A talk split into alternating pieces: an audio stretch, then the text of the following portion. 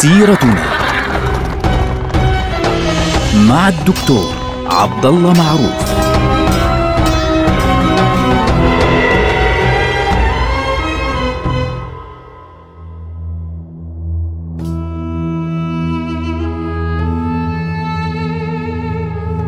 السلام عليكم ورحمة الله وبركاته. سيرتنا سيرة هذه الأمة العظيمة ونحن الآن في مرحلة من أهم مراحل تاريخ أمتنا فتح القسطنطينية.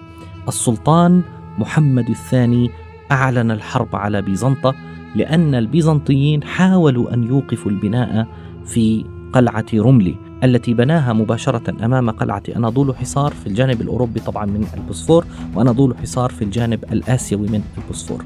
فهذا الإعلان من البيزنطيين رفضهم ومقاومتهم لهذا البناء كان يعني بالضرورة بالنسبة للسلطان محمد الفاتح الفرصة الذهبية لإعلان الحرب على القسطنطينية وبدأت الحرب بالفعل. بدأ السلطان محمد الفاتح يحشد عددا هائلا من الجند. طبعا بعض الروايات بتقول خمسون ألفا بعضهم يقولون ثمانون ألفا بعضهم يقولون مئة ألف وهكذا. يعني بغض النظر عن الأعداد الأعداد كانت كبيرة جدا. والسلطان جهز نفسه بكل ما يستطيع. طبعا للعلم معلومة ما بيعرفها كثير من الناس. السلطان العثماني في ذلك الوقت كان في داخل مجلسه هناك مقاومة لقرار آه، حصار القسطنطينية وفتح القسطنطينية. يعني الصدر الأعظم في ذلك الوقت كان رافضا لهذه الفكرة. كان يقول له أنه أنت هيك بتولع الدنيا وأوروبا كلها ستغضب وستجي وراح تجينا من هون ومن هناك. سبحان الله العظيم فالسلطان يقول له لن أسمع لك أبدا أنت يعني لا تكن متخاذلا. هذه فرصة ذهبية لنحقق وعد رسول الله صلى الله عليه وسلم ونحقق هذا الحلم الذي يعني راود هذه الأمة منذ عهد الأمويين. من أول من حاصر القسطنطينية أول مرة الجيش الذي كان بقيادة يزيد ابن معاوية منذ ذلك الوقت منذ عهد معاوية بن أبي سفيان رضي الله عنه حتى الآن كانت القسطنطينية هدفا للمسلمين فعليا. فرفض السلطان محمد الفاتح نصيحة آه، الصدر الأعظم ومن حوله أيضا من بعض الوزراء. وبالتالي تحرك جيش هائل من العثمانيين وبدأ حصار القسطنطينية برا. كيف يعني حصار برا؟ طبعا بعض الناس بيتخيلش إنه طيب ما هم في القسم الآسيوي يعني القسم الآسيوي من إسطنبول موجود في ذلك الوقت اللي هو آه، منطقة اللي بيسموها اليوم أسكودار وكاديكوي آه، وحولها. طيب كيف كان الحصار من الناحية الأوروبية؟ علما أن القسطنطينية من الناحية الشرقية ومن الناحية الشمالية ومن الناحية الجنوبية هي شبه جزيرة ولا يوجد بر فعليا إلا في الناحية الغربية. الواقع إخواننا أن العثمانيين كما ذكرنا سابقا كانوا قد وصلوا حتى إدرنة. يعني كانت كل المناطق التي حول القسطنطينية إلى إدرنة كانت بيدهم. ذكرنا موضوع دخول إدرنة آه، سابقا في حلقات ماضية. وبالتالي العثمانيون كانوا يتحركون بحرية في الجانب الأوروبي وكانوا قد وصلوا إلى مناطق في بلغاريا وفي غيرها. طبعا هذا الكلام ذكرناه سابقا. فكانت القسطنطينية أصلا محاصرة من العثمانيين من كافة النواحي تقريبا ولا يحميها إلا البحر وما حولها من الاستحكامات وهذا السور الضخم الذي يعني آه، يحيط بهذه المدينة. فبالتالي الحصار بدأ من هذه الناحية من الناحية الغربية دخل الجيش العثماني وحاصر المدينة وكانت بداية الحصار يوم الثاني من شهر نيسان أربعة عام 1453 للميلاد. وكان ذلك التاريخ يوافق الثاني والعشرين من ربيع الأول هو الشهر الثالث من عام 857 للهجرة. عزل محمد المدينة عزلا كاملا. حاصرها من ناحية البحر من ناحية بحر مرمرة من ناحية مضيق البوسفور وكانت النقطة الوحيدة اللي هي نقطة الضعف عند العثمانيين هي منطقة خليج القرن الذهبي. خليج القرن الذهبي اليوم اللي بيزور إسطنبول بيعرفها في منطقتين مقابل بعضهم اللي هي منطقة آه، كاراكوي ومنطقة إيمينونو.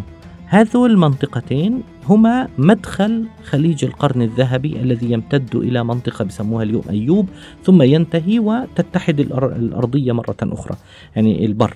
فبالتالي هي منطقة آه، أو مثل ما نقول إحنا خليج من الماء داخل اليابسة فقط. فهذه النقطة لم يكن العثمانيون يستطيعون التحرك فيها بسهولة. وهذه النقطة كانت نقطة الضعف بالنسبة للعثمانيين بل هي نقطة الضعف بالنسبة العباسيين من قبلهم وبالنسبة للأمويين أيضا من قبلهم هم أول من حاول أن يفتح القسطنطينية طيب ليش نقطة ضعف؟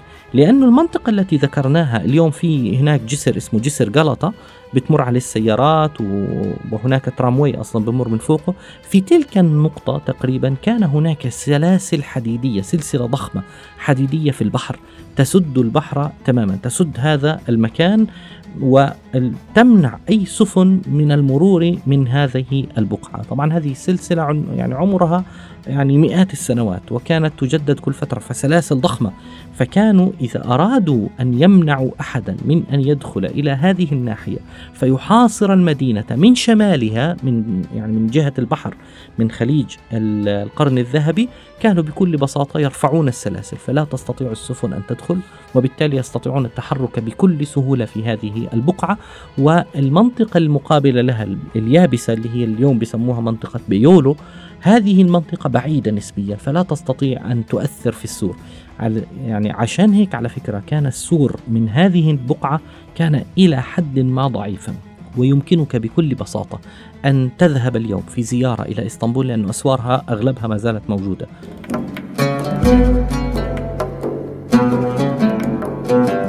فقط روح على الناحية الشمالية اللي هي في الجهة بسموها اليوم توبكابة في الجهة التي يوجد فيها أسوار القسطنطينية التي كان الفاتح يحاصرها من الناحية الغربية.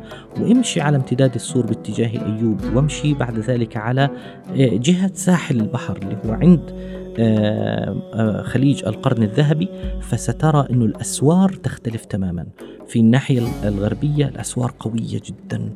هناك أربع أسوار متتالية منها هي ثلاث أسوار أساسية وسور واحد صغير. وأما في ناحية البحر فهو سور صغير بسيط من ناحية خليج القرن الذهبي ويعني لا يستطيع آه، أن لا يستطيع أحد أن يدافع عن السور من هذه الناحية بسهولة. فبالتالي كانت هذه النقطة هي نقطة الضعف عند العثمانيين. لا يستطيعون أن يتحركوا في هذه الناحية. بدأ الحصار. بدأ آه، محمد الفاتح يعني يضرب المدينة بكل ما يملك من قوة. يعني عنده أسطول كان فيه 180 سفينة ونصب حولها أربعة عشر مدفعا ضخما. كان من بينها أكبر مدفع في العالم. تخيلوا السلطان محمد الفاتح لكي يحضر لفتح القسطنطينية أحضر بعض الروم. الروم كان يعني بعضهم مسلمين حتى أنه بعضهم كانوا مسيحيين على فكرة. كانوا لكنهم كانوا يدينون بالولاء للدولة العثمانية. صنعوا له أكبر مدفع في العالم في ذلك الوقت. مدفع ضخم جدا. كان إذا ضرب القسطنطينية تهتز الأرض من صوته وحده. فبدأ القصف في ذلك الوقت في ذلك اليوم. الحصار تجهز ووصل يعني إلى المدينة يوم الثاني من نيسان وانتظروا عشرة أيام حتى اكتمل الحصار واكتملت التجهيزات. وفي يوم الثاني عشر من نيسان اللي هو يوم الثاني من ربيع الآخر بدأ ضرب القسطنطينية بالمدافع. كانت المدفعية طبعا بالنسبة للبيزنطيين كانت المدفعية سلاحا مرعبا. ليه؟ لأنه ما عندهم مثل هذه المدفعية. ما عندهم مثل هيك. سبحان الله العظيم. لأول مرة نحن نرى تفوقا هائلا للمسلمين من الناحية التقنية فعليا أمام عدوهم. أكبر مدفع في العالم يضرب القسطنطينية بكل قوته وتتهدم أسوار القسطنطينية. لكن في المقابل كانت الدولة البيزنطية دولة أيضا ذكية جدا وكانت قادرة على التعامل مع هذه الأحداث. كيف؟ بمجرد ما تنضرب المدينة بالمدفع كانت تتهدم أجزاء من الأسوار. بالليل هناك صناع محترفون يعملون في منتهى السرعة لإعادة بناء السور. يعني بيضربوا السور بيثقبوا جزء منه فمباشرة بالليل بيبدأوا يشتغلوا. إيه ولا هو الصبح شغال ما شاء الله عنه. إيه. طب كيف يعاد بناء السور بهذه الطريقة السريعة؟ هذا الكلام كان بسبب أنه الصناع في القسطنطينية أصلا صار لهم فترة طويلة جدا يعني متعودين فعليا على هذه الأعمال العسكرية. فلذلك كان الحصار صعبا وشديدا جدا. ما إن تتخلخل ما إن تسقط الكتل الحجارة على الأرض حتى يعيدها الصناع البيزنطيون بسهولة في آه، بالليل. طبعا واحد ممكن يجي يحكي طب بسيطة بضربوها بالليل وبالنهار. لم تكن مسألة بهذه البساطة. ليه؟ لأنه القصف فعليا من هذا المدفع الضخم بالذات لم يكن يتم إلا بطريقة آه، طبعا لأنه هو بدائي لساته من بداية اختراع هذه المدافع. يعني لسات نحن جديد كان يعتبر في ذلك الوقت يعني سلاح جديد جديد. لكن كان يقصف الضربة الوحدة ويجب أن يتم تبريده بالكامل. ثم إعادة تنظيفه وحشوه ووضع الرغوة فيه ثم تضرب يعني ضربة ثانية. ثم بعد ذلك لابد من تبريده ولا بد من يعني إضافة الرغوة وفي مرحلة معينة انفجر جزء من المدفع فعليا واضطروا لإعادة إصلاحه وسكبه مرة أخرى وتوقف القصف بهذا المدفع الضخم عدة أيام. فكان هذا مؤلما فعليا. ليه؟ لأنه يعني ماشي سلاح ضخم لكن تضربه مرة. بعدين تنتظر تقريبا يعني ست ساعات أو سبع ساعات حتى تضربه مرة ثانية ضربة ثانية. فباليوم الواحد يا دوب أربع أو خمس ضربات يا دوب في هذا بال 24 ساعة إذا بدك تاخذ بال 24 ساعة. وهذا الأمر كان آه، بالتالي يصعب المهمة على السلطان محمد الفاتح. طال الحصار وطالت الأحداث. بدأ السلطان يفكر بمحاولة اختراق الأسوار من الأسفل. فكانت الجند العثمانية عندهم فرقة للحفر تحت الأرض. فكانوا يحفرون الأنفاق تحت الأرض بحيث يحاولون أن يضعوا البارود تحت الأسوار ليفجروها من الأسفل. فاكتشفت بعض هذه الأنفاق وكان البيزنطيون يحفرون أنفاقا مقابلة لها ويفجرونها.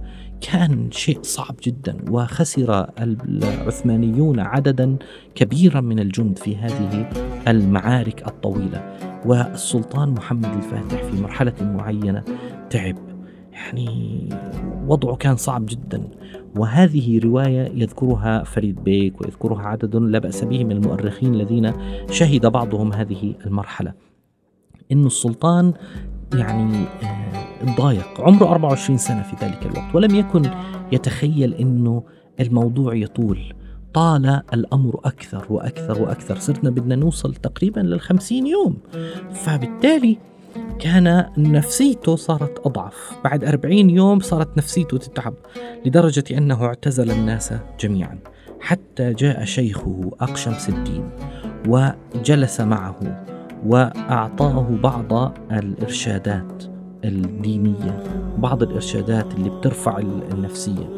وتذكر هنا رواية أن أقشمس الدين كشف له عن قبر آه، أبي أيوب الأنصاري رضي الله عنه وأرضاه.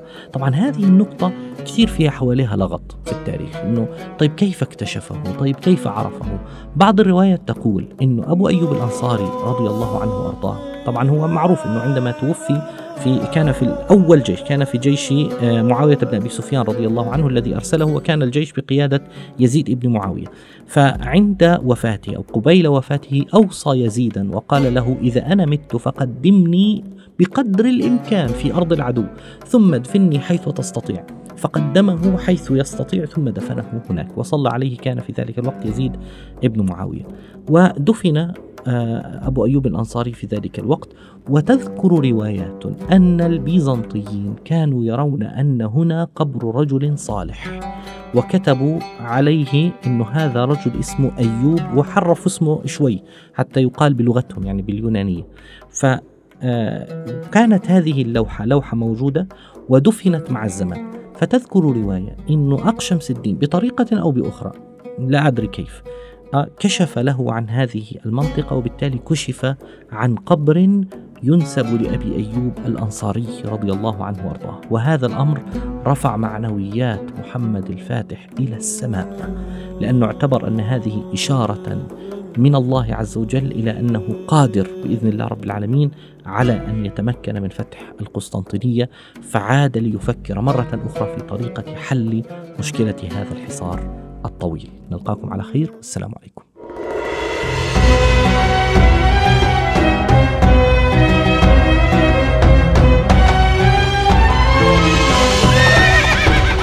سيرتنا مع الدكتور عبد الله معروف.